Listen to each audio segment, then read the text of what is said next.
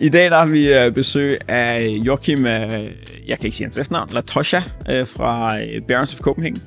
Han er en af dem, som, øh, som jeg har fulgt i et langt stykke tid, og jeg var faktisk meget interesseret i at høre, hvordan det er, at man går fra en Deloitte-stilling, til at man går over til at lave sin egen skjorte og virkelig lidt gå igennem den der produktudvikling. Så nogle af de interessante ting, som, som du vil høre fra, fra Joachim i dag, det er blandt andet, at det er ikke fordi, han er en stor fashion designer. Det er ikke det, der driver ham til at drive, øh, til at drive Barons. Øh, og nogle af de ting, som, som jeg ved, at der har virket rigtig godt for dem, og som de har haft skulle få styr på, det var markedsføringen. Det var ikke en af Joachims styrker. Så hvordan han lige faldt over sin, øh, sin nye CMO, og hele universet omkring sustainability, bæredygtighed og hvad det faktisk har at gøre med produktudvikling i tekstilbranchen. Det er noget, som jeg faktisk ikke vidste noget om, og jeg har afsindig dårlig samvittighed over den t-shirt, jeg er på i dag, fordi jeg er sikker på, at den er fyldt med plastik. Um, men det, det og meget mere kan du lære om i dagens episode. Hvis vi skruer, hvis vi skruer tiden tilbage, så du sad i, uh, du sad i Deloitte og besluttede for at skulle lave en... Uh, har det altid været en skjorte, eller... Det var meget tilfældigt, at det blev skjorten. Men det var meget... Uh... det er sjovt, hvor mange ting, der blev tilfældigt. Ja, ja. Jamen, det var det jeg, jeg stod lidt mellem sådan at lave sådan en uh, sneaker brand, som er udfordret til Nike eller et eller andet, ikke? Og, så, ja. og så skjorter. Øh, og jeg vil sige, grunden til, at det lige blev skjorter, det var jo nok det der med, at det var meget, øh, meget synligt ind i et løg. Det var virkelig noget med forhold sig til, når man er på en arbejdsplads, hvor der er 3.000 hvide skjorter, der er samlet hver dag, ikke? og alle spiller soja og brun sovs noget af dem, og øh, alle har en holdning til også, hvad der er en god skjorte. Øh, og så man ligesom observerer, at at det her marked, det er bare super koncentreret på nogle ganske få, ja. meget, meget, meget store, tunge spillere, blandt andet sådan nogle som Hugo Boss og Eton og så videre. Ja. Øh, så ser man sådan, okay, hvad er kendetegnet for dem? Det er, at hele den der direct-to-consumer-bølge slet ikke er skyllet ind over. Og på, på daværende tidspunkt, der var det jo der var jo fuld gang i sådan de første direct-to-consumer brands. Det var sådan noget i 2013, det her. 2013. Ikke? Så det var der, hvor Kasper for eksempel var på vej til at bryde igennem lydmuren over i USA med, med senge, der blev solgt online. Hvor jeg tænkte sådan, okay, hvis man kan sælge senge online, direct-to-consumer, så må det også kunne lade sig gøre med, med skjorter. Ja. Øhm, så, så det var meget med, med den på, og så selvfølgelig med, med det her med, at der er en, en det er svært at vinde en kunde. Til gengæld så er der en, en virkelig, virkelig godt potentiale i forhold til sådan customer lifetime value. Øhm, så det er jo der i sådan selve, selve muligheden, men også udfordringen. Den store udfordring ligger også, ikke? Ja, øhm. altså især den der med, med, med, med at sælge en, øh, en skjorte, Øh, men, men vi joker altså lidt om den der virkelig vælge en seng online, uden der at man har prøvet den og så videre.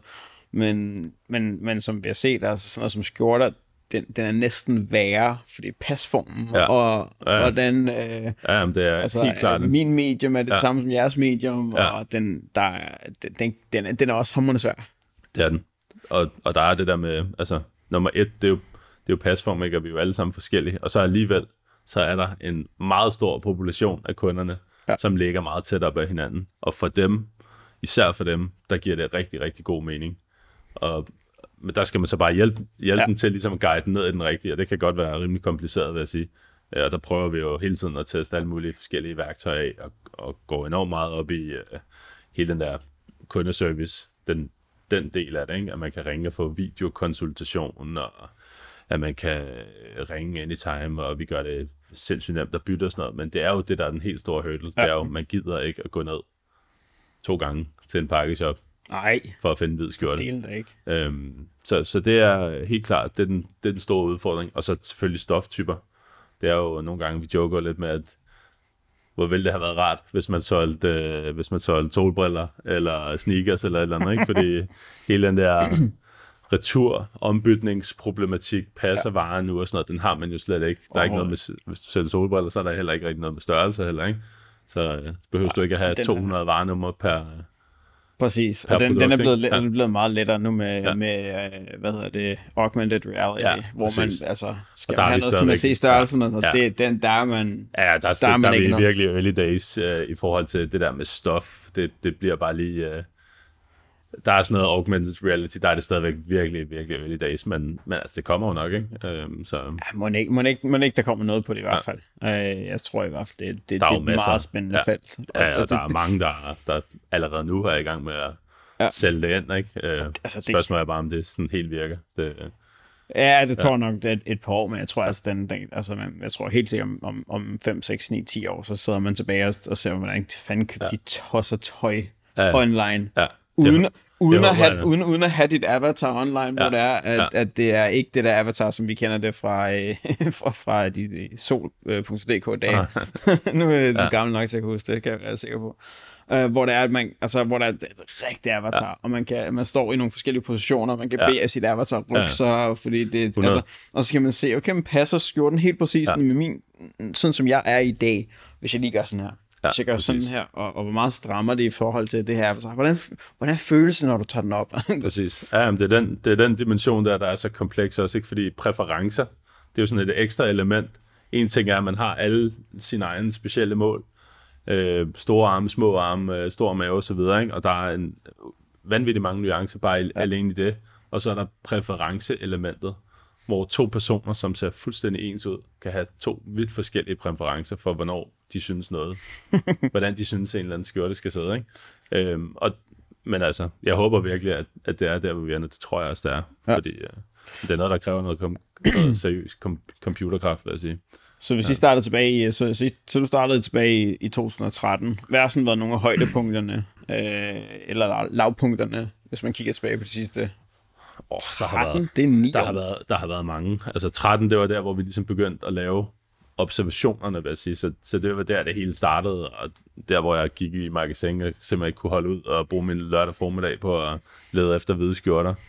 øh, så det var der, jeg lavede de første observationer. Det var ikke der, hvor, hvor vi gik live med brandet. Det var Ja. først i 2016. Øh, slutningen af 2016 faktisk. Ja. Så vi har, vi har lige haft fem års jubilæum her i, øh, i, i november. Nice. Øhm, og øh, de første to år, dem brugte vi simpelthen bare på at finde ud af, hvordan fanden laver man skjorte, hvor skal man gå hen, øh, hvad, hvad er der af muligheder. Og, øhm, så, så det var det, vi brugte sådan de to første år på. Og, Hvad, var den, hvad var den første ting, hvor, for at finde ud af, hvordan man får lavet en skjort? Fordi jeg sidder med sådan en mental block ja, øh, på, okay, hvad, vi, vi sælger jo rigtig mange ting ja. Hos os. Og jeg sidder altid, okay, hvordan er, hvordan er det, man kommet fra, fra A til B? Ja. Jeg, kan godt, jeg, godt, jeg, godt, jeg kan godt tænke mig til B, C, D, E, F, G, ja. men A til B er Ja. altid den, jeg har interesseret mig mest for, fordi jeg forstår den slet ikke. Det var også, øh, altså jeg plejer at sige, det er sådan triangulering. Øh, så det vi gjorde, det var, at vi delte det sådan meget op i, at der var to nøgleelementer, der skulle være på plads, nemlig et øh, stoffet og to produktionen, altså selve systuerne. Og øh, den, den, den verden, jeg kom fra, der handlede det jo rigtig, rigtig meget om det her med øh, at, at tilegne. Jeg, jeg arbejder i Deloitte, hvor det var sådan noget køb og salg af virksomheder. At Ja. Alle mulige nye virksomheder hele tiden, hvor man skulle tilegne sig selv en masse information relativt hurtigt, og man kom helt ind i motorrummet og sad med ledelsen af en eller anden pågældende virksomhed, som man måske aldrig havde arbejdet med før. Så, så jeg tror, det var en rimelig stor hjælp i forhold til det der med, hvordan går man til den, den opgave, ligesom at skulle øh, danne sig et overblik over en helt ny industri. Ja. Øh, så, så vi fandt selvfølgelig nogle, øh, nogle ledestjerner, blandt andet nogle af vores svenske venner på den anden side af sundet, øh, som vi synes lavede en rigtig, rigtig god kvalitet, Ja. øh, og som vi kunne se var enormt populære øh, blandt vores sådan, kernemålgruppe, altså dem, der går i skjorter hver dag. Dine kollegaer derude? Dem, dem som vi så famøst har døbt skjortekrigerne, ikke? øh, og, øh, og, og der så vi nogle af dem her, og så sagde vi, okay, hvad, hvad fanden gør de? Hvordan kan vi finde ud af, hvordan deres supply chain ser ud? Så der, hvor vi startede, det var øh, messer, tale med så mange mennesker som overhovedet muligt, og når du taler med rigtig mange mennesker, så begynder du lige pludselig, der begynder der at danne sig et mønster, så kan man måske spørge om nogle strategiske spørgsmål, der bekræfter noget, man har hørt et andet sted fra, eller afkræfter det. Så det var, øh, det var lidt sådan, vi, vi startede med det. Han, han er helt masse møder, inviterer, øh, inviterer diverse stofproducenter til København, tager ned og mødes med dem på alle mulige messer. Og øh, folk har en tendens til at, at, at snakke og fortælle om, hvad de er gode til. Ja. Og så gik der et års tid, eller sådan noget, så havde vi et ret godt overblik over, Ja. hvem der producerede hvad, hvem var meget, meget dybt involveret i hinanden, sådan så man måske ikke lige havde lyst til at være den der lille mus, hvor der allerede er et, øh, et, et, et stærkt bånd imellem en leverandør og, en, og et brand. ja. Det det var sådan helt konkret, sådan vi gik til det. Jeg kan godt lide, jeg kan godt lide det lille tankegang, det, fordi det, det er det, som man sådan på, på mange fronter, jeg kan, man skal lære noget nyt, jamen, så, så handler det i høj grad om at altid sløre ud. Når, Mm. man, når, man kigger, når man kigger over i hjørnet lige nu og prøver at finde ud af, okay, jeg skal gøre det her. Men lige nu forstår jeg ikke, hvordan jeg kommer derhen. Ved at tale med så mange mennesker, så begynder man at danne sig et overblik. Og et eller andet tidspunkt, så, så går tingene i hak. Ja. Og så siger man, nå okay, nå, det, det er sådan, det fungerer. Okay, fedt. Så kan man, kan man gå videre. Hvornår, hvor, hvor mange hvad, sådan, kan man sige, prototyper eller versioner tog det, før det var, at, at det kom til, til den skjorte, som det er, at du følte var værd at sætte på markedet i 16? Det var, at vi, vi gjorde det lidt på en anden måde, fordi vi, vi kiggede meget på stoffet, så vi, vi rullede enormt meget stof igennem, og vi, vi, vi var jo så dejligt naive dengang, at vi tænkte, vi skal bare ud og lave øh, verdens bedste skjorte. Den skal være bedre end Etons, og den skal opfylde x, y, z krav, og så skal vi kunne sælge den direct to consumer. Mm. Og allerede vores første roadblock, det var jo, at vi ikke havde nogen penge. øhm, og når man så kommer til en stor stofproducent, som øh, et ikke eksisterende brand, der ikke engang er gået live endnu, og siger, vi vil gerne lave vores eget stof, helt fra bunden af. Øh, så siger de, øh, det er fint, I skal bare bestille øh, 3-4.000 meter af gangen per farve. Det vil sige, du skal have, altså, og, og bare for at lave prøverne, skal du lave flere hundrede meter af gangen. Bare for at få lavet en, en virkelighedstro prøve. Ja. Øhm, det var nogle penge, som vi slet, slet ikke havde. Så det var allerede der, mødte vi sådan, okay, hvis vi skal have noget, øh, hvor vi overhovedet kan komme dertil, hvor vi kan finde ud af, om vi kan sælge en skjorte, så bliver vi nødt til lige at vente med det mål til version 2.0. Så, øh, så det, det fandt vi ret hurtigt ud af, at den ambition, som vi havde, den var ikke forenlig med, med realiteten, simpelthen. Ja. Altså, de penge var der ikke. Øh, og, og det var også, tror jeg, en god ting faktisk, at, at vi ikke bare sådan sagde, okay, nu belåner vi hele huset, og, øh, eller på den andelslejlighederne, som det var dengang, ikke? øh, for at lave et, et parti stof, som muligvis, muligvis ikke havde været det, som vi i virkeligheden gerne ville. Ikke? Ja.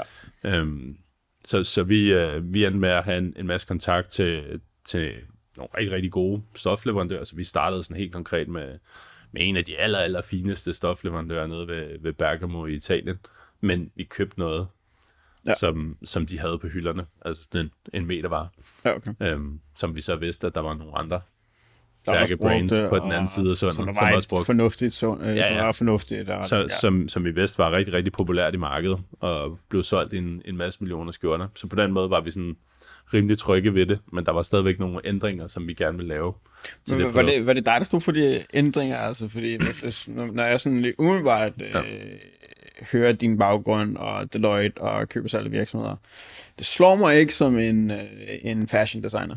Det er jeg heller ikke. På ingen måde. Det, er- der, der er slet ikke nogen interesse i det. Ja. Jeg kan godt lide at optimere ting.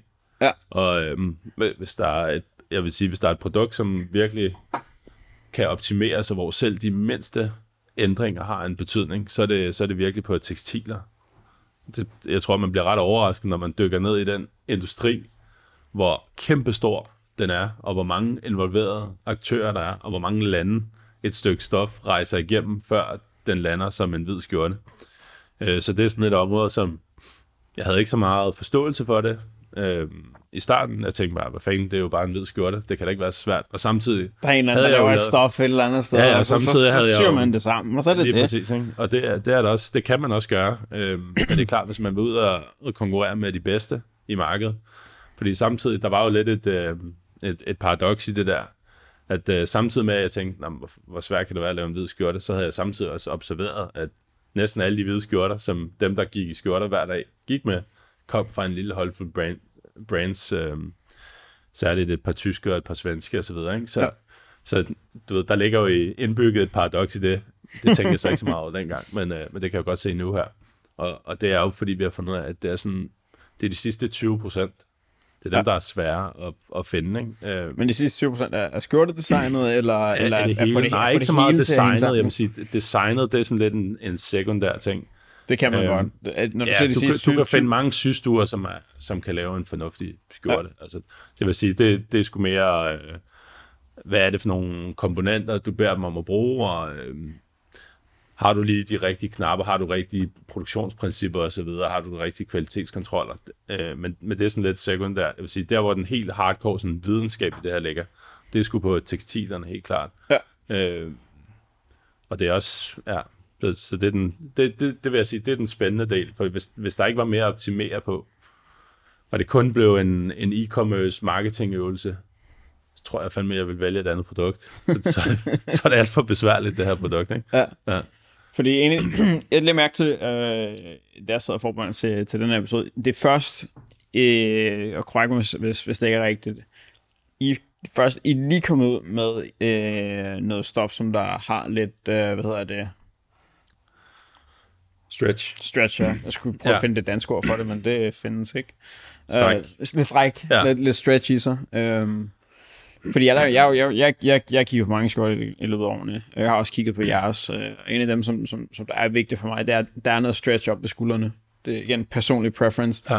Mine skuldre og min Ja. kropsform fungerer bare aldrig slet ikke Nej. til normale skjorter. Øh, så, så jeg har altid brug for et eller andet stretch, for ellers ja. sidst på dagen, så har jeg lyst til at skære, skære ærmerne af. Ja. Øhm, så nu har I sat lidt stretch i, og jeg lader mærke til, at I, I går meget op i at for- forklare, at det, er der er ikke noget plastik i. Præcis. Øhm, hvad har den rejse været? Nu, nu snakker vi om det tekstilforbedring, så det passer meget godt. Det er jo et, øh, det er jo et kæmpe dilemma, det der, ikke? Fordi at, øh, nummer et, det er, i, i min verden, så er der ikke en til en øh, sammenhæng mellem stretch og komfort. I, det starter jo med en pasform. Altså hvis, hvis Ja, pasform ikke er i orden, jamen, så kan du måske udbedre den en lille smule ved at putte øh, noget stretch i. Øhm, så, så det er den ene del af det, ikke? Og, og, og der er klart, i, i det der ligger selvfølgelig også, at jamen, hvis du har et brain som vores, som handler om at lave mange for at kunne sælge dem billigt, det er ligesom, det ligger lidt i vores DNA, ja. direct to consumer, at vi skal, vi skal op i den store skala i produktionen, for at vi kan gøre det på den her måde, at vi kan sælge skjorter af den her kvalitet til næsten halv pris af vores primære konkurrenter. Øhm, så, så for at det kan lade sig gøre, der er vi nødt til at fokusere på de 80%, der Ja. rent faktisk kan være i vores skjorter, og dermed så har vi også det her dilemma med for eksempel sådan nogen som dig, som er relativt atletiske, stor overkrop og så videre. Hvordan harmonerer, vi kan jo ikke have 100 størrelser, Nej. så, bliver det, så, så kan vi ikke sælge dem til den pris til, al, til de 80 procent. Øhm, så, så der ligger sådan et, et indbygget dilemma i forretningsmodellen af, at vi ved godt, at sådan som det er nu, indtil vi får en endnu mere fleksibel produktion, hvor man nærmest kan gå ind og hive og trække i målene selv på en meget, meget simpel og hurtig og billig måde. Øh, så der er også lidt kompleksitet i det. Indtil det sker, så går vi meget sådan hardcore efter de 80%, som bare lige glider ned i størrelserne. Øhm, og så er der hele den her diskussion omkring stretch. I min verden, der er det her plastikforurening, det er det de aller, aller største problemer, vi har i dag overhovedet. Helt enig. Øhm, så, så jeg har jo været sådan rimelig, øh, rimelig ultimativ omkring det her med, at øh, når man har et stykke tekstil, hvor man ved, at 60% cirka havner på en losseplads. 60% af det, det bliver solgt i EU, vel at mærke, det havner på en losseplads. Ja. Så har vi en, vi, vi har en moralsk forpligtelse til at prøve at undgå det, så vidt muligt. Øhm, så, så det var faktisk med den på, at vi startede, hvor vi bare sagde, jamen, vi kan ikke putte plastik i vores tekstiler. Jeg tror ikke, der er særlig mange, der ved, at det er plastik, der er i. Nej, men jeg, blev jeg, tror, det er lidt ligesom, øh, jeg tror, det er lidt ligesom øh, CO2 og sådan noget, ikke? At det er sådan noget, ja. der er så meget kompleksitet i det, at folk, det er en mega lang læring, og folk, de, de er ved at, sådan, at begynde at forstå sådan, CO2, og hvad med vindmøller, og hvad med solceller. Nå, men de har jo også et lille aftryk, og hvad med end of life og sådan noget, ikke? Og, Har du, læ- har læst der Bill Gates' uh, Climate Crisis? Nej, øh, nej, bog? det har jeg ikke. Nej. Han, snak, han snakker meget om, hvor, øh, hvor, hvor for eksempel 50% af CO2'en kommer fra. Ja. Hvor det er, øh, det er, det er bygninger. Ja, Det, ja. det er at lave Præcis. bygninger. Det er, det, det er, for der er så meget forbundet med materialerne ja. og præcis. beton og alt det der. Så hvis. Ja. du virkelig vil fikse, så find et andet. Find, find en måde, hvor, hvor han snakker, find en måde, hvorpå at man laver beton, som der faktisk øh, opbevarer, eller står, mm. eller hiver ja. CO2 ind, sådan så det bliver, øh, hvad hedder det, går i nul, eller, ja. Eller faktisk er et negativ på, på CO2, Præcis. i stedet for at sidde og kigge på ja. Bilerne, der kører på vejen. Ja, jamen, det er rigtigt. Og, øh, og, og det er... Øh, så, så sådan helt konkret med det, så sagde vi, jamen, vi anerkender, at jo mere, hvis, hvis vi kan få noget stretch, det kræver selvfølgelig, at skjorten passer til at starte med, men hvis vi kan tilføje, hvis vi kan bruge noget teknologi, hvor man får lidt mere komfort, lidt mere strækbarhed, så vil vi jo gerne kigge på det. Så det vi sådan helt konkret gjorde, det var så, så, så gik vi ud og hentede en, en patenteret teknologi. Det er ikke os, der har den, det er en, en, en, en leverandør, øh, som så bliver applikeret på vores, på vores stoftyper, hvor man simpelthen er inde og påvirke øh, Selve stof. selve stoffet. Ja. På en måde, hvor det stadigvæk er, vi har ikke spundet en lille plastiktråd øh, sammen med vores bommeltråd, som jo i, ø- i øvrigt gør den fuldstændig umulig at genanvende. Ja. Og der er stort set ikke noget øh, tøj, der bliver genanvendt i den her verden. Det er under 1%. Nej, man så jo Øh. de der, man så jo de der, de der, de der kæmpe bjerge af, af tøj, der røg på social media for, Ja. for, for nogle måneder Ja. siden. Øh, det vidste jeg ikke noget om før Jeg dengang. tror, at der er mange, de tænker sådan noget, Ocean Plastics, det, det må være sådan noget med, at der er en, noget, øh, nogle gamle plastikflasker, der flyder rundt i havet. Og det er det jo også, men Ja. ja. 30, 30 procent eller sådan noget, det, det kommer fra tekstiler.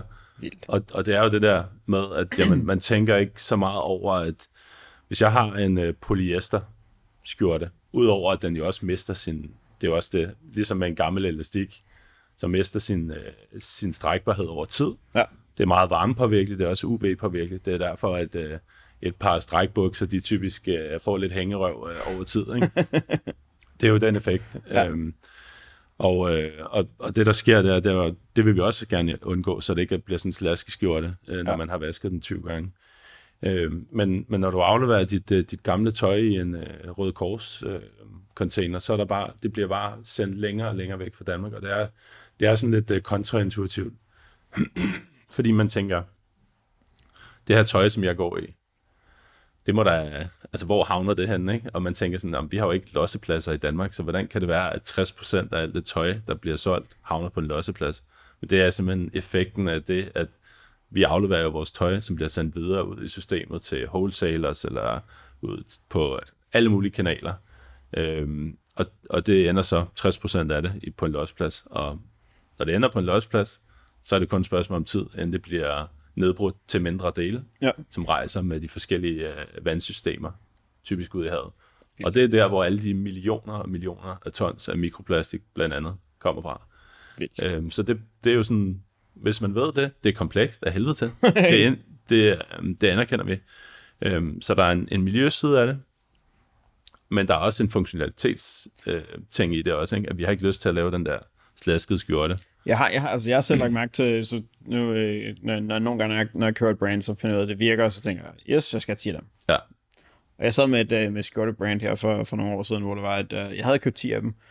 Og, og så, så, øh, så lagde jeg ikke mærke til, at, at, at, at både pasform og, øh, og, og komfortabiliteten begyndte at blive lidt dårligere. Øh, og så købte jeg en ny skjorte, og den der, det design, som jeg så købte den, og så tænkte jeg, "Øj, ej, hvor er den lækker. Ja. Og så tænkte jeg, nu sidder den. Ja, og så tænkte jeg hvad, hvad er der egentlig sket med de andre? Men det Ja. forklarer det da meget godt, at, Ja, ja, ja. At, at, plastikken derinde, ligesom Ja. ja. elastik, jamen det, det, Det det, er er derfor, den, det samme. derfor den Ja. ryger. ja. Og det er også derfor, at øh, dem, der så sælger sådan nogle varer, det er meget varmepåvirkeligt. Ja. Øhm, så, så funktionaliteten i sådan et produkt er meget varmepåvirkeligt. Det er også derfor, at, øh, at der står sådan, du skal vaske den i iskoldt vand, eller det må Ja. i hvert fald ikke være over 30 grader. Koldt vand, må ikke ryge tør, Ja, for guds skyld ikke i tørretumleren, ikke? Øhm, og det er jo øh, det, er jo det, ikke? Og det er jo fint, hvis man, hvis man kan finde ud af det, men, ja. men så, så mister man i hvert fald, altså lad os sige, du vasker den i iskoldt vand, så mister du måske ikke øh, den del så hurtigt. Det kommer over tid, uanset ja. hvad fanden du gør. Ja. For, fordi sådan noget som, som sol, UV, Ja. påvirker det også. Øh, men, øh, men du kan ikke rigtig løbe fra, at du i hvert fald bidrager til det her problem med Ocean Plastics, som jeg virkelig synes er et, et, et kæmpe stort problem, som man skal adressere, og der er tekstilbranchen bare en af de helt store sønder. Øh, Altså alle, jeg taler med i tekstil, de Ja. snakker om sustainability. Ja, altså det er, det, det, det, Ja, det, det, det er og der er virkelig noget, der mange elementer. Ja. Øh, der er virkelig, virkelig mange elementer. Det er komplekst, og det bliver brugt på mange forskellige måder også, ikke? Så på. Spændende. ja, Hvordan øh, i løbet af, i løbet fra, fra 16, når det var, at, øh, I gik live, hvordan har, hvordan har teamet set, set ud? Hvad for nogle roller har, har, har du følt, at du skulle sætte ind undervejs for at sige, det her, det, det, det supporterede dig bedst som founder? jeg vil sige, øh, kvæg min baggrund fra Deloitte, hvor jeg sad og lavede køb og salg af virksomheder, øh, og forhandling og store Excel-modeller, og en, en masse, helvedes masse PowerPoints. øh, der, der, der var sådan det der, hele det der marketing, det var lidt sådan en, øh, du ved, en celle i et Excel-ark, hvor man bare kunne skrue på antal marketingmedarbejdere, ikke? så jeg havde slet ikke forståelse for hele den der psykologien, øh, hvordan, øh, hvordan skaber man et kreativt miljø, Ja. Øh, hvordan fornyer man sig selv? Hele den der del der har jeg fået vanvittig stor respekt for, og jeg synes faktisk også, det er en mega sjovt område at arbejde med. Ja. Øhm, så, så det var helt klart en af de der sådan helt store shortcomings, at vi, vi vidste slet ikke, at der var noget, der hed e-mail marketing til at starte med. så der gik et år, inden vi havde, altså inden ja. vi begyndte sådan at finde ud af, okay, måske er det meget smart at kommunikere lidt med kunderne via e-mail, og vi var sådan, ah, det er jo bare spam, det gider vi ikke. Det er ikke spam Ja, ja, præcis. Ikke? Så var det bare sådan, du ved, alt for unuanceret måde at, at tænke på det på. Så der var sådan en hel masse områder, som var sådan helt fuldstændig blind spot til at starte med. Så, så marketing. Øhm, og, øh, og det, er sådan, det er jo kommet sådan lidt øh, step i step, fordi at, øh, der var nogle ting, som man er nødt til at, at fokusere på, blandt andet supply chain, ja. som jeg jo heller ikke har kompetencerne. Jeg er jo ikke tekstilingeniør. Jeg er ikke uddannet inden for design eller øh, supply chain management. Øh, men det bliver man bare nødt til at sætte sig ind i, for ellers, hvis du ikke har nogen produkter, det lærte vi sådan ret hurtigt, da vi gik udsolgt efter seks uger, og skulle vente tre måneder på at få den næste øh, batch hjem. At, øh, yes. Okay, det er måske meget, meget godt, at vi lige øh, får styr på den del. Øh, så det, det er jo lidt sådan, det, det er kommet lidt sådan trin i trin. Jeg vil sige, marketing øh, er kommet til, og nu har vi sådan en, et, et lille SWAT-team af forskellige øh, marketingkompetencer, som, som bidrager med hinanden. Det der med, at, ja. at det, det nytter ikke noget at have en, en, et, super stærkt øh, team, øh, der laver annoncer og kreativer, hvis du ikke har nogen, der kan skrive, for eksempel. Ja. Øh, og det nytter ikke noget at have en fantastisk fotograf, hvis du ikke har nogen, der lige kan lægge teksten op til, eller kan finde ud af at lægge det. Så hele det der samspil i en, ja. øh, en marketingafdeling, det er sådan, så vi, vi, vi tænker det lidt som sådan vores lille interne marketingsbureau øh, hvor vi har en, en, øh, en dygtig øh, videograf, og vi har en, øh, en art director, og vi har en CMO, der styrer det, og vi har en, øh, en copywriter. Og så har vi øh, på kundeservice, er det også noget, der er kommet stille og roligt til. Ikke? Det ligger ja. sådan meget, meget dybt i vores kerne, at øh, når du først har vundet en kunde, øh, og han har givet dig et skud, apropos vores, vores snak tidligere, ikke? Øh, ja. om, om adfærden blandt de her mænd, øh, så skal man virkelig gøre alt, hvad man overhovedet kan for at sørge for, at de bliver i butikken, og ja. at de har et, øh, får en god oplevelse og finder den der skjorte. Øhm, nu, nu har de gjort så meget for ligesom at indikere, at de er interesserede, så kan man godt lige ulejlige sig selv for at hjælpe dem helt over målstregen. Øhm, så det er jo det er også et område, der fylder relativt meget. Øh. Hvad, hvad betyder det for dig sådan at hjælpe dem, hjælpe dem helt over målstregen? Det betyder, altså lad mig give et meget godt eksempel, det er vores returhåndtering, ikke? det her med, at jamen, hvis du køber noget på, øh, på Zalando for eksempel, ikke? så er det sådan lidt, men hvis det ikke passer, send, send det tilbage, og så 14 dage efter, eller 7 dage efter, eller whenever, så kan du få dine penge ind på din øh, konto, og så må du selv lave din ombytning. Ja. Det må du selv stå for, ikke? Øh, hvor vi, vi har jo sådan en, altså vi gør det jo på den, den lidt mere manuelle måde, det vil sige, at du skal bare have en blyant, og så sætter du dig hakket, om det skulle have været en størrelse large i stedet for en størrelse medium, og så står vi for resten, og det indebærer jo at der rent faktisk er en person, der kigger på den her sæd, og sådan, okay, det her, det, det, det ligner en fejl. Ja. Vedkommende kommer ikke til at kunne passe den der large. Han skulle have været i slimfedt i stedet for ja, ja, ja, øh, levemandsfedten. Der, der er relativt mange forskellige kombinationsmuligheder. Og så ringer vi til kunderne, og sådan, om, jeg skal bare lige være sikker.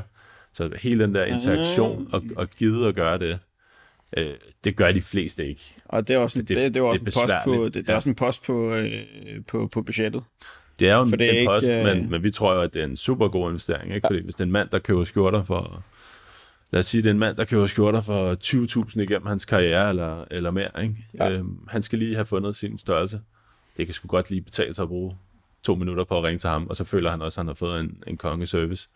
Helt øhm, vildt. Så, så hvorfor ikke gøre det, når man allerede har betalt Facebook og Google og alle mulige andre, for ligesom at få ja, ham den, ind i butikken? Den, den sidste Ja, den, den sidste, sidste skub, ikke? Ja, så, øhm, så, så det, er en, det er en ting, vi er meget opmærksom på. Det er det der med at, at sørge for, at, øh, at folk de får en, en god oplevelse, at de ikke bare kommunikerer med sådan et ansigtsløst brand, hvor de selv skal, skal stå for det hele. Og, jeg tror, det er en af de, en af de største misforståelser, som jeg, jeg synes går igen og igen, både når jeg taler med, med, med folk som dig og, og andre, det, det er den der med, at hvordan kan man tage e-commerce og direct-to-consumer fra at være det her katalog, som mange bare lægger op og siger, ja. den her fantastiske funktionalitet med, at du kan købe online, ja. det er, altså, det, det er bare blevet en, en, en, en commodity i dag. Selvfølgelig, kan du, selvfølgelig ja. kan du det. Jeg kan også sælge noget via min mobile pay. Altså, ja. det, det går meget, meget hurtigt. Det der med at ja. sælge online, det er ikke det store. Det der med at skabe den der ekstra mm. oplevelse, og hvordan man sørger for at faktisk komme tæt på kunderne, ja. det, er en, øh, det er en meget stærk øvelse i, i ja. e-com. Ja, 100. Det er jo virkelig, virkelig svært også, ikke? fordi uh, man, vil, man vil hele tiden gerne gøre det skalerbart, fordi ellers drukner man. Ja. Samtidig vil man gerne gøre det personligt og give hver, hver person den, den oplevelse, som, som er bedst for den, for den pågældende person. Ikke? Så det, der ligger et, et indbygget sådan, paradoks i hele det system der, ikke? At det, og det er super svært at navigere i. Øh, men det er jo der, hvor man rent faktisk får bygget noget, fordi jeg tror, der er mange... Øh, der er mange sådan, i corona, så var det sådan ja, men så hvis du har en tøjbutik, så kan du bare lige lave en webshop og lægge dine ting op, og sådan, nej, det kan du ikke. Du bliver ikke konkurrencedygtig online, nej. bare fordi, at du lægger dine varer online. Nej. Øhm, For det kan alle de andre også. Og det præcis, gør alle de andre ja, altså rigtig, rigtig godt. Præcis. Øhm, så, så hele den der del der med at rent faktisk at skabe et brand, skabe en community, øhm, en, en stor del af vores marketing er jo i virkeligheden vores kunder, når vi spørger øh, vores kunder, hvor, hvor kommer du fra? Altså, hvordan har du, øh, hvad var det, der gjorde, at, at, at du øh, gav os en chance? Så er det 50 procent, der kommer fra word of mouth. Virkelig. Så vores bedste, vores bedste marketing, det er jo ikke vores Facebook-annoncer, selvom vi bruger enormt meget tid på dem. Det er i virkeligheden vores kunder. Ja. ja. Jeg synes, en af de ting, som du, når, da, da du beskrev jeres marketingteam, det lød øh, meget mere som et kreativt team, end et, et decideret sådan marketingteam. Er det, er det med vilje, at I har valgt at tage den der creative øh, retning, creative og art direction og så videre, den retning har sagt, den ejer vi. Ja. Den ejer vi fuldstændig på, på copy, på video, på photos. Den ejer vi uh, versus, ah, okay, vi kan da få nogen til at komme ud og lave lidt video, vi kan få ja. nogen til at komme ud, og så skal vi være rigtig gode til SEO selv. Uh, det, er, øh, det har udviklet sig på den måde, kvæg vores erfaringer. Ja. Så øh, i, i starten var det slet ikke på den måde. Der var det sådan lidt øh, freelance her, freelance der, men, men det vi sådan fandt ud af, det er det der, det kreative arbejde, det er bare noget, hvor du skal, du kan bruge uendelig mange timer på det, og det er noget, der sådan ligesom skal udvikles over tid. Ja. Så, så vi fandt ud af, sådan, at øh, også lidt i takt med det, der skete i, i hele, det ved du alt om i forhold til øh, alt det her online annoncering på Google og på Facebook, særligt måske på Facebook, ja. det er, at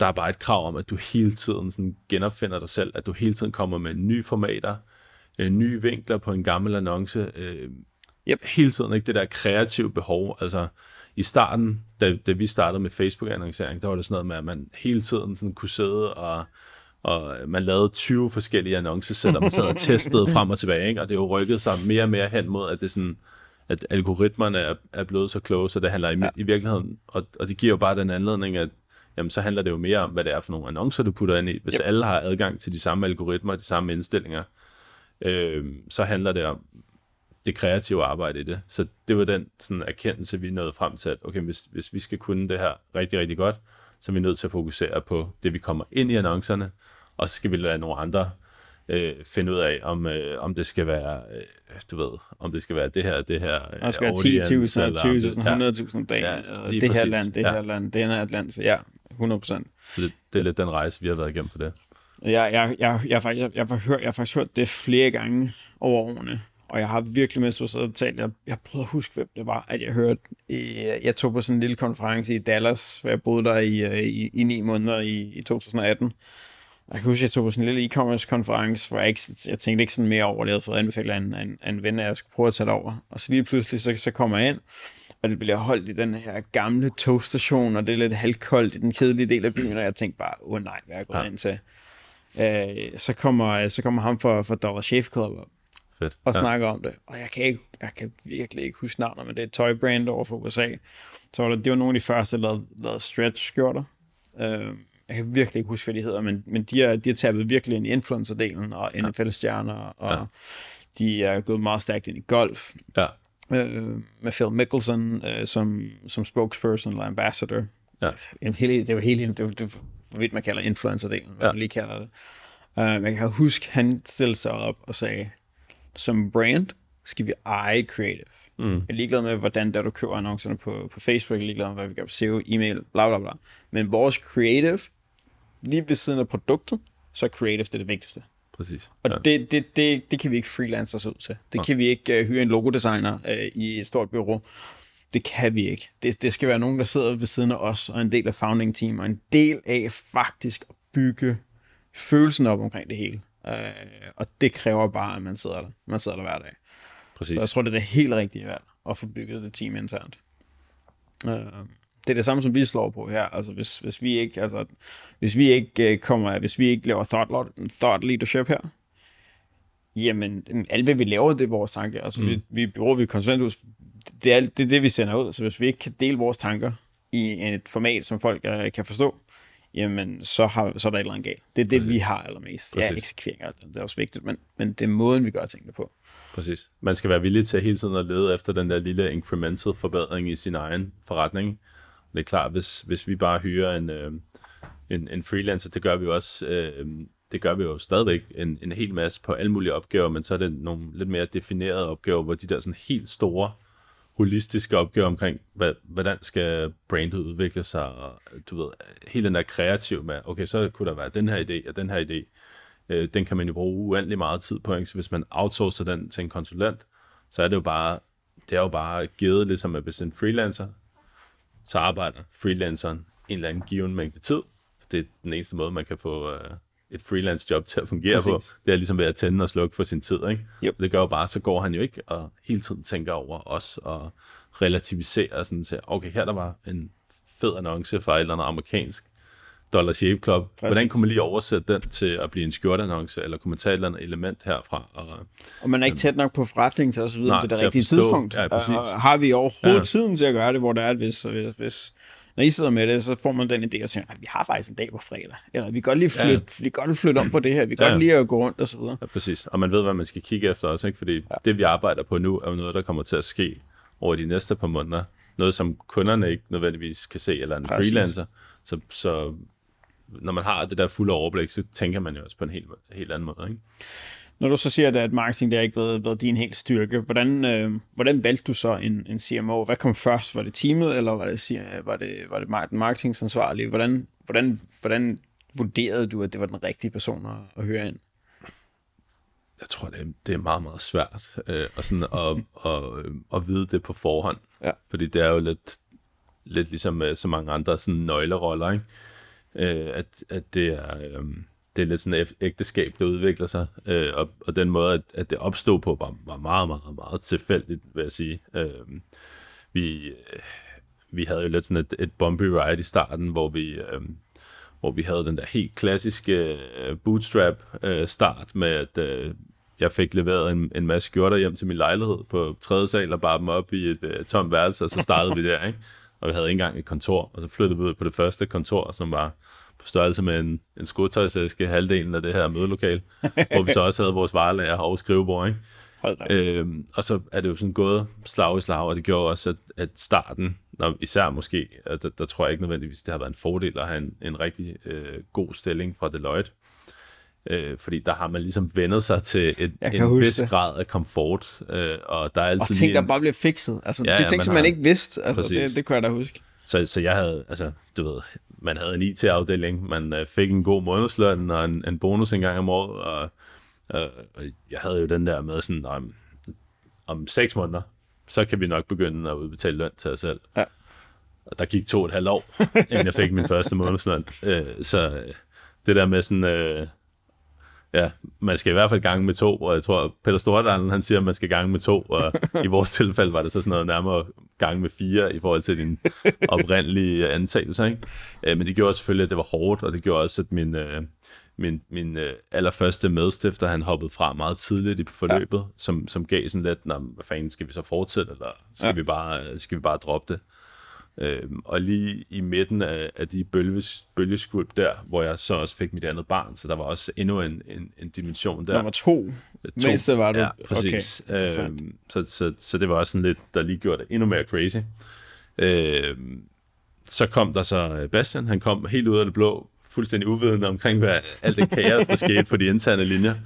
Øhm, og ligesom vil høre lidt ind til, øh, han havde faktisk, han var bare kunde, og han ja. synes det var fedt, og han var selvstændig konsulent, og havde haft sit eget reklamebureau og så videre. Og så kunne jeg godt se, at han var sgu nok en person, der ville passe meget godt til ja. den rolle. Og så holdt vi ligesom dialogen øh, ved lige, indtil jeg så bød ham, bød ham indenfor. Ja. Øh, så det var sådan meget, meget tilfældigt, vil jeg sige. En kunde, som tilfældigvis synes, det hele er mega fedt, og på alle måder en, en skjortekriger. Ej, Og, sjovt. og det var sådan lidt der, det startede, ikke? Og så havde vi selvfølgelig haft øh, øh, forskellige, forskellige ansatte øh, forud i tid for det. Ja. Øh, men jeg vil sige, det var sådan, det, det var, øh, det var sådan Bastian, vores CM, nuværende CMO, han, han kom ind. Øh, Sjovt. Jeg samme historie som Ledø. er det det? Ja, okay. Ja. Christoffer kendte, øh, var Ja. lidt i netværket, Ja. kendte, øh, kendte, øh, kendte Andreas, og så Ja. sagde, sagde han, skal jeg ikke, øh, skal jeg komme hjem med det her? Ja, det var så nogle andre fra den. Præcis, Det var, faktisk, ja. det var faktisk en helt modsat rolle. Ja, det er rigtigt. Det er faktisk rigtigt. Øh, det var faktisk, øh, det var faktisk meget sjovt. Øh, det, når, når man lytter til det her, så er episoden med Andreas også kommet ud. Um, så det var det folk, folk vil kunne genkende den dag. Ja. Uh, Ja, det er meget sjovt. Man ved fandme, altså, man ved sgu ikke, hvad der, hvad der lige opstår af muligheder, ikke? Så det er også nogle gange bare at være åben og ligesom tage Ja. det der kaffemøde, ikke? Så man sådan, fanden er nu det her for noget, ikke? være Ja. åben. Altså, da jeg hyrede Philip øh, som, som første medarbejder i, her i Savi, øh, han, var, han var... Jeg kendte ham slet ikke. Okay. Øh, han, han, jeg havde prøvet at hyre en af hans venner. Øh, hans, hans tidligere chef prøvede jeg faktisk at hyre. Ja. Og så da jeg sagde til ham sådan helt under den frokost, hvor jeg havde, havde, havde tilbudt ham, ham jobbet, øh, hans ven der, men der sagde han, øh, så sagde han så nej. Og så sagde jeg, hvis det ikke er dig, så skal han svensker. Fordi mm. jeg føler ikke, at vores svenske konti kører det særlig godt, så jeg har brug for en svensker. Og så kiggede han bare på mig og sagde, nu skal du høre her. Ja. Ja. Jeg kender en, Ja, og han er svensk, og han bor her, og han leder efter noget nyt lige i øjeblikket. Og så tænkte jeg, perfekt. Ja. det må man da prøve. Og nu sidder vi her fire år efter, Philip, han er, han er, han er, han er fuld partner og det hele. Så, så de der små tilfældigheder, Præcis. og, og hamstre dem og sige, godt være, det er nok det rigtige at gøre. Um, det har jeg hørt flere gange i det her podcast. Spændende. Um, en af de ting, som jeg har slået på, det er, um, som jeg i hvert fald personligt har lagt mærke til, øh, fra et, øh, et både et, et ah, jeg vil ikke kalde det marketing, men sådan, sådan et forretningskoncept, det er, at, at I har prøvet at slå på nogle flere PR-vinkler i jeres markedsføring og overall virksomhed. Så der var, øh, da det sned tilbage omkring Black Friday, jamen så var det, øh, skal du have en bid jul, Ja. ja. øh, outdoor-reklamerne. Ja. Øhm, og så begyndte det selvfølgelig at sne, og det var fantastisk. Og det gav en masse PR omkring det. Øh, det gav lige det ekstra skub der, man kunne have håbet på, Ja, ja. at, ja, det øh, at det kom Ja. med. Um, I lige nu kører I den her downsize guarantee. I har i, i lang tid sagt, at I kører ikke udsalg, øh, til, um, som der er en normal måde at gøre det på. Hvad, hvad er årsagerne til, at I har taget den retning, i stedet for... Altså, der er mange andre, andre, mange andre, retninger, mange andre retninger, man kan tage. Det handler meget om, øh, igen, forretningsmodellen. Altså, det vi laver, det plejer lidt, det lyder sådan lidt øh, øh, kryptisk, men i sidste ende, så vores koncept, det handler meget om det der med tid og gøre tingene simpelt. Ja. Altså virkelig gå efter at lave noget, der er utrolig godt. Det kan man gøre ved at fokusere på få ting. Prøve at skære, skralde alt det unødige væk. Det, det er både i forhold til det her med direct to consumer, det er også i forhold til sortimentet. Det er også grunden til, at vi ikke laver 10.000 forskellige ting, men vi stadigvæk føler, at der er noget at hente. Ja. Dermed ikke sagt, at vi aldrig kommer til at lave andre produkter. Vi vil bare gerne have de rigtig, rigtig gode, dem vi laver, og vi kan stå inden for dem. Ja. Øhm, så, så når det er sagt, så er det sådan, jamen, det handler om at sørge for, at ham her manden, som er glad for vores skjorter, at han netop ikke skal vente til Black Friday med at købe sine skjorter. Så der har vi jo sådan lidt prøvet at vende det der koncept på hovedet, ligesom sige, jamen, fint, der er en, en, selvfølgelig en besparelse for os, hvis vi sender to skjorter frem for en skjorte. Vi vil også gerne have, at han, hvis han har 30 Hugo Boss skjorter, hvilket er et meget sandsynligt scenarie, de er den klart største øh, på markedet, stort set alle markeder, som vi opererer i. Øh, så vil vi selvfølgelig gerne have, at vi begy- begynder at æde os lidt ind på den bøjlestang der. Ikke? Ja. Øhm, så der er vi jo ikke, vi er jo ikke nået i mål, bare fordi vi har solgt ham den ene skjorte. Vi er nået i mål, når han begynder rent faktisk at bruge vores skjorter hver evig eneste dag. Ja. Indtil de der øh, Hugo Boss skjorte, de sådan glider længere og længere over i den mørke ende af, af stangen. Ikke? Øh, det er jo sådan i virkeligheden det, der er succeskriteriet, ikke? at de Ja. virkelig bliver brugt hardcore hver evig eneste dag. Øhm, og når det er sagt, så skal man jo netop prøve at fjerne alle de forhindringer, der er. Og der, deri ligger jo så også, og det er jo noget, vi har snakket rigtig, rigtig meget om, fordi det er jo sådan, altså Black Friday, det er ikke, jeg har sgu ikke noget problem med, at folk de køber deres julegaver på Black Friday, eller folk de, hvis der er et eller andet produkt, som de er glade for, at de så køber det med rabat på Black Friday. Det har jeg intet imod. Så jeg er ikke sådan en, øh, sådan en øh, det er, ikke en, he- det, er, det er ikke en hellig kors. Nej, nej, det er det overhovedet ikke. Det er ikke sådan en øh, hellig kriger øh, i, i forhold til Black Friday. Det er mere den anden vej rundt, at vi sagde sådan, jamen fan, øh, det, det synes vi bare ikke er ja. øh, det, der harmonerer bedst med simplicitet og tid, og det at, at, at tage ham der manden, som har travlt nok i forvejen, og tvinge ham til at sidde og vente øh, til en eller anden dag, og så er den fandme udsolgt. Ikke? Det er jo bare nærmest at genskabe mit magasin-moment, hvor jeg står og ruder i, øh, i, i bunkerne efter at finde tre stykker af den, lige præcis den hvide i den normale størrelse, som så aldrig selvfølgelig er der på udsalg. Ikke? Så kan man få den, der lige har øh, den lyserøde knap op i toppen, eller som er stribet.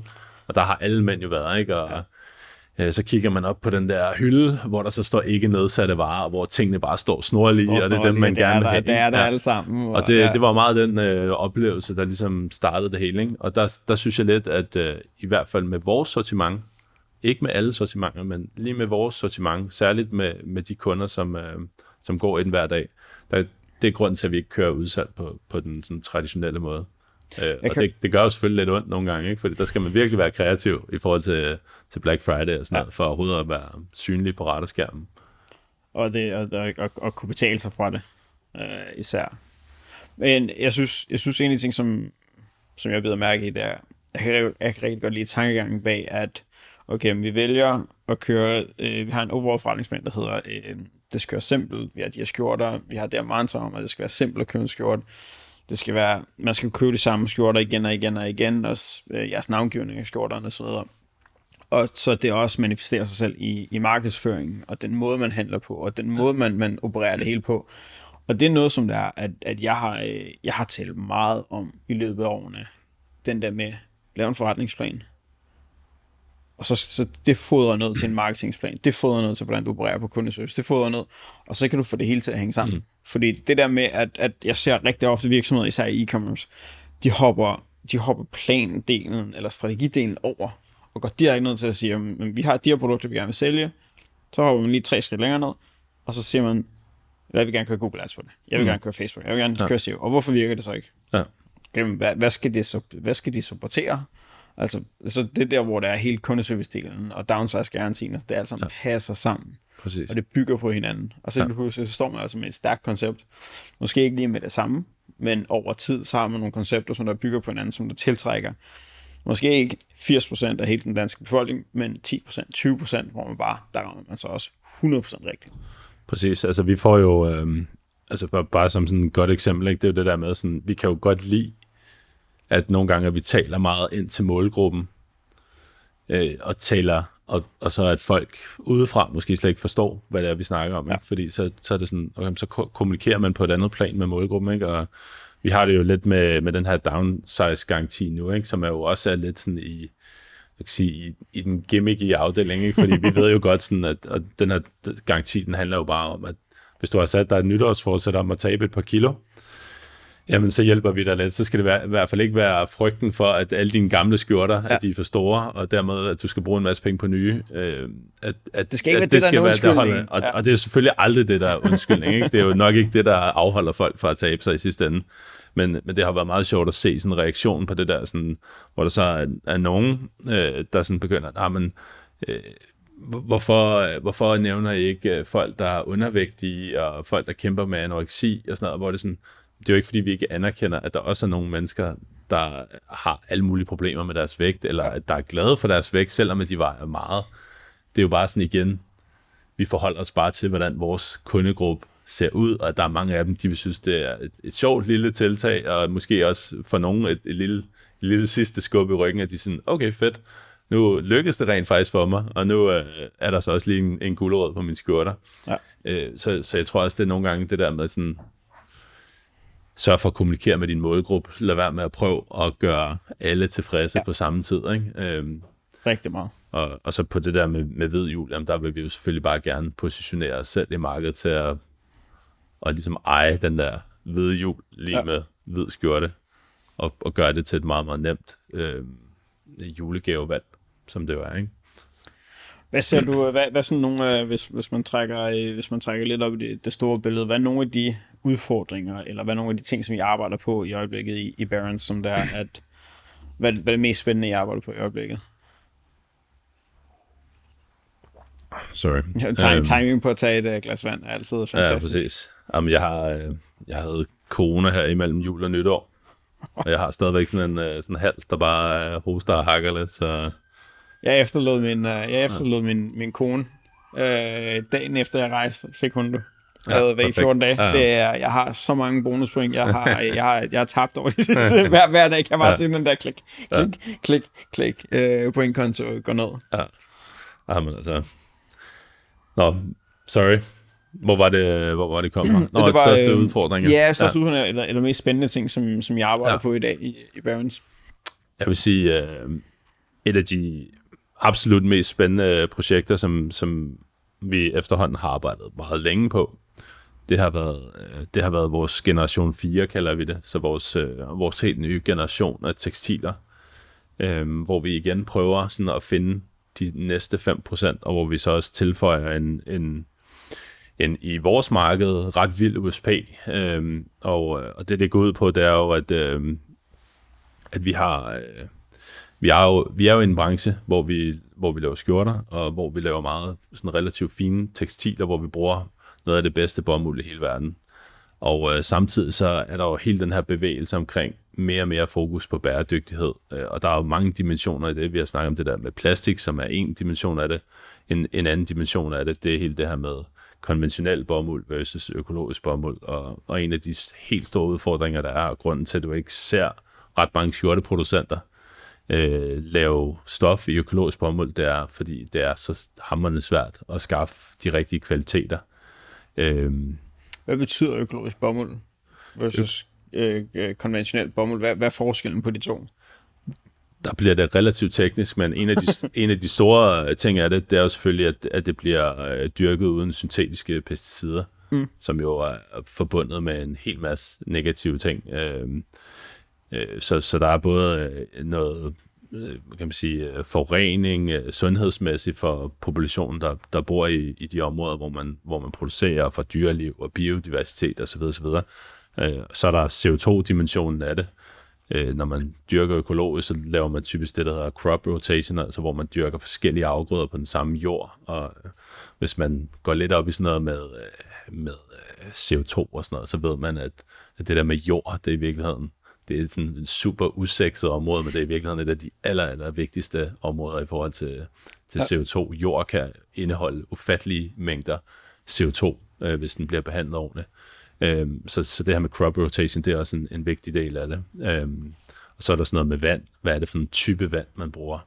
Er det noget, man pumper op direkte fra undergrunden, eller er det noget, man, der kommer fra, øh, fra naturlige kilder? Så der er en, en masse, masse, masse forskellige dimensioner af det. Og vi har jo sagt, jamen, øh, vi kunne rigtig, rigtig godt tænke os kvæg vores meget, meget sådan snævre segment, hvor vi netop har en mulighed for virkelig at gå helt ned og lave den her single origin, nærmest ligesom din kaffe, ikke? Mm. købe bomulden direkte fra marken. Det er jo noget af det, vi sådan har undret os lidt over, det er, at du ser, altså ingen ved, hvor deres bomuld kommer fra. Nej. Der står bare 100% bomuld, ikke? og i virkeligheden, når man laver skjorter, så handler det om at bruge den aller, allerbedste type bomuld. Det er det, vi kalder extra long staple, altså de her super lange fiber, ja. som er det, der giver holdbarheden. Og det er det, der er helt afgørende. Du kan ikke lave en super god skjorte, hvis ikke du har holdbarheden, hvis ikke du har de her ekstra lange fiber. Og det er super svært at dyrke i økologisk form. Øh, Så det er noget, vi har arbejdet på i næsten, øh, i næsten ja, nu er det over to år, og som, øh, som er en del af vores generation 4, der vi bliver, der bliver vi virkelig de der Patagonia inden for, øh, inden for den hvide skjorte. Det er jo sådan nogle af, en af vores helt store ledestjerner, fordi Ja, det må, det må, det, at det, det er være. funktionaliteten, der er kernen. Du vil aldrig købe en Patagonia-vare, hvis du skal på en klatretur, eller hvis du skal stige uh, Mont Blanc eller Mount Everest. Så er uh, funktionaliteten, den er jo uomtvistelig. Du vil aldrig sådan sige, "Ah, okay, men jeg køber, jeg skal bestige Mount Everest, jeg køber den her dunjakke, fordi den er bæredygtig. Du tænker funktionaliteten som det første, og det, ja. det er kernen. Men de har formået at smelte de to ting sammen, sådan, så det ene meget. ikke bliver et kompromis på det andet. Øh, og det er, det må man bare sige, det, det er sværere end som så, og det kræver nogle virkelig, virkelig store in- investeringer. Øh, så det er noget af det, som, som vi er ret meget op at, op at køre over, det er, vi øh, lige nu her, lige om lidt, inden for de næste, øh, inden for den næste måneds tid, øh, kan lancere vores generation 4 stoftyper, som så også er en lille smule bedre, en lille smule øh, mere holdbar, og, øh, og ligesom bliver kernen af vores næste generation af produkter. Øh, så det er vi sådan mega spændt på, hvordan det bliver taget imod af, af kunderne. Øh, men der, det er virkelig et område, hvor vi kommer til at differentiere os rigtig, rigtig meget. Øh, Spændende. Står der på jeres produkt, øh, produktside, okay, det er det generation 4 øh, stof? det kommer der til at gøre, Kommer det? Okay. Fordi det, det også bliver man mere klart. Ja, det gør man på mange andre produkter, ja. hvor man, okay, man Ja. forstår ikke rigtig, hvad, Nej. hvad der er nyt, og så videre. Så, ah, det er generelt, generelt Det, 2, 3, 4. det er en del af det, det er ligesom, at vi opdaterer hele vores identitet og website og så videre, sådan, ja. så det fremgår også lidt mere klart, hvad, hvad det betyder. Øh, fordi det netop er, tidligere har det været sværere, tror jeg, at forstå, hvad forskellen på generation 2 og generation 3. Det her med natural stretch for eksempel, ikke? der skal du ja. lige pludselig til at forstå, øh, at stretch kan være plastik, og det kan være Jeg en vidste ikke, patenteret teknologi fra. Schweiz. Ikke?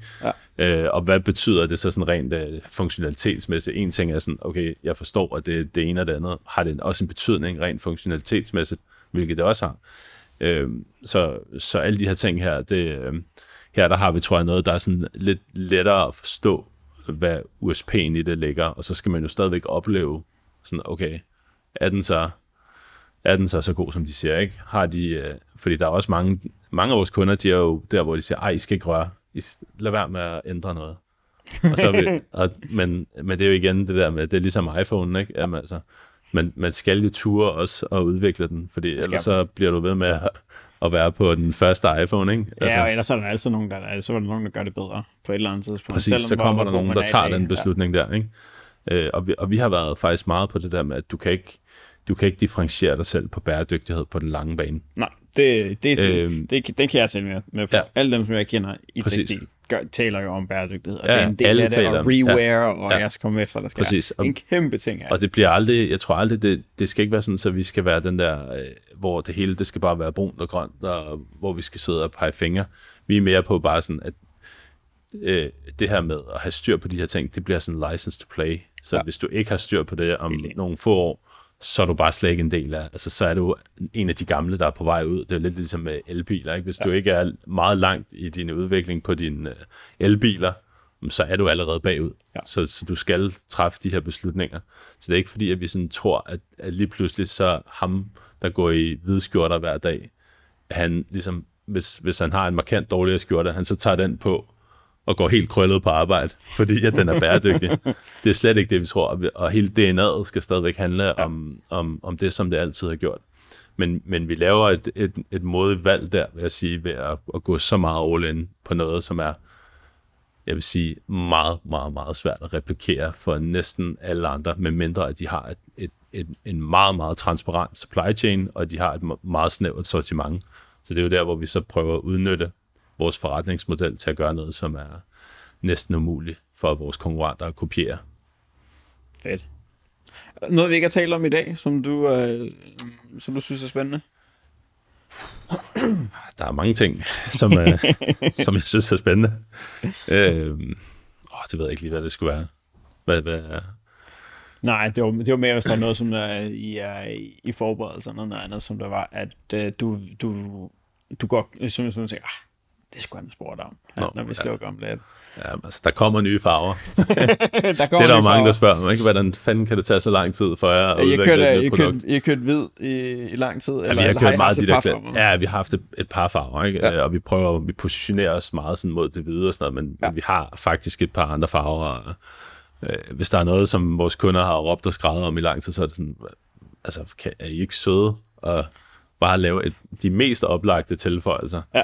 Så det er jo selvfølgelig noget af det, der, som, som vi kigger på. Og, og Har I er overvejet at lave sådan øh, limited edition farver? Det har vi overvejet, øh, men, men jeg vil sige, vi, vi ser stadigvæk, øh, vi kan rigtig godt lide de der nosvarer. Ja. Øh, altså noget, som, som bliver der, fordi der er også noget irriterende, synes jeg, ved limited editions, udover de er fede fra et marketing-synspunkt, Det her er en limited edition øh, men det, det er irriterende, hvis du så rent faktisk finder noget, som du er ja. super glad for, og så er sådan, "Nå, men det var en limited edition, så jeg kan aldrig få det igen. Ja. Og det er på en eller anden måde, så er det sådan lidt... Øh, øh, de her sko her. Ja, lige præcis, Jeg kan, ikke? jeg kan ikke, Nej, du nu, få de, nu har de lige Ja. tilføjet et par ekstra farver. ja. Men jeg vil gerne have den hvid kant. Jeg vil ikke have, Ja. ja. at hele min sko er lilla, for eksempel. nej, det, lige det, præcis, ikke? øh, det kan jeg ikke helt bære. Også med forskellige farver, øh, bukser og så videre. Så, så alle mine grønne bukser går ikke til det. Eller måske Nej. virker grøn og lilla fint sammen. Det, det Ja. bestemmer konen. Men, Ja, ja. Jo, ja. Der kan du ja, se, ja, øh, der, der, der, der- der, der, er en irritationsfaktor i Ja, den. ja, og det, der er jo altid det der dilemma, ikke? fordi man vil jo gerne have limited edition Ja. for at lave det der marketing push, fordi det, det er sjovt. Og, altså, det er jo ikke fordi, vi, øh, vi kan rigtig godt lide at have det sjovt og, og lave de her ting. Og samtidig så er vi heller ikke, vi har ikke et, et mode-DNA i vores forretning. Ja. Så, så jeg tror, vi, vi kan sagtens se nogle områder, hvor at vi kan lægge nogle ting på, som, øh, som bare bliver evergreens, hvor det giver super god mening for den eksisterende kundegruppe at købe det, øh, og som også harmonerer ligesom med vores øh, overordnede strategi. Øh, så øh, der, der kommer lidt mere om, omkring det, når vi kommer lidt tæ- tættere på sommerferien. Men lige på den, på den korte, på den helt korte bane, der, øh, der er det det her med at, at tilføje en, blandt andet en sort i vores bestseller, som Ja. ja. er sådan en, du ved, som er virkelig, virkelig mange af vores eksisterende kunder, der efterspørger Det kunne jeg godt og måske også en mørkeblå og så videre, ikke? Øhm, men, men det er hele tiden det der, vi vil gerne have den der brugerinddragelse, sådan, så det er ikke bare os, der synes et eller andet er fedt, og så ja. lægger vi det på, og så, sådan, så synes kunderne ikke, det er fedt. Så det skal være noget, der hjælper os både i forhold til de eksisterende kunder, at der er noget krydssalg til dem, selvfølgelig. Det, det giver god mening for et forretningsperspektiv, men også selvfølgelig alle de mange kunder, som havner på vores hjemmeside hver dag, som ikke lige finder det, de mangler. Hvad er det, der ligesom har størst impact for dem? Ja. Øhm, så, så der, øhm, der, der kommer til at ske en hel masse på det, øh, forhåbentlig i, indeværende år, øh, at vi bliver lidt bedre til sådan at, at lave den udvikling. Øhm, og der har vi blandt andet også hy- hyret nogle, nogle dygtige medarbejdere og, og opdateret vores, hele vores supply chain også, sådan, så vi rent faktisk kan gøre de der ting øh, på en bedre måde. Nice. Kanon. Men tusind tak, fordi Fedt. du kom, øh, kom med, Joachim. Det var fantastisk ja. på en, øh, på en regnfyldt øh, onsdag. Jamen, øh, tak fordi jeg måtte være med. Selvfølgelig.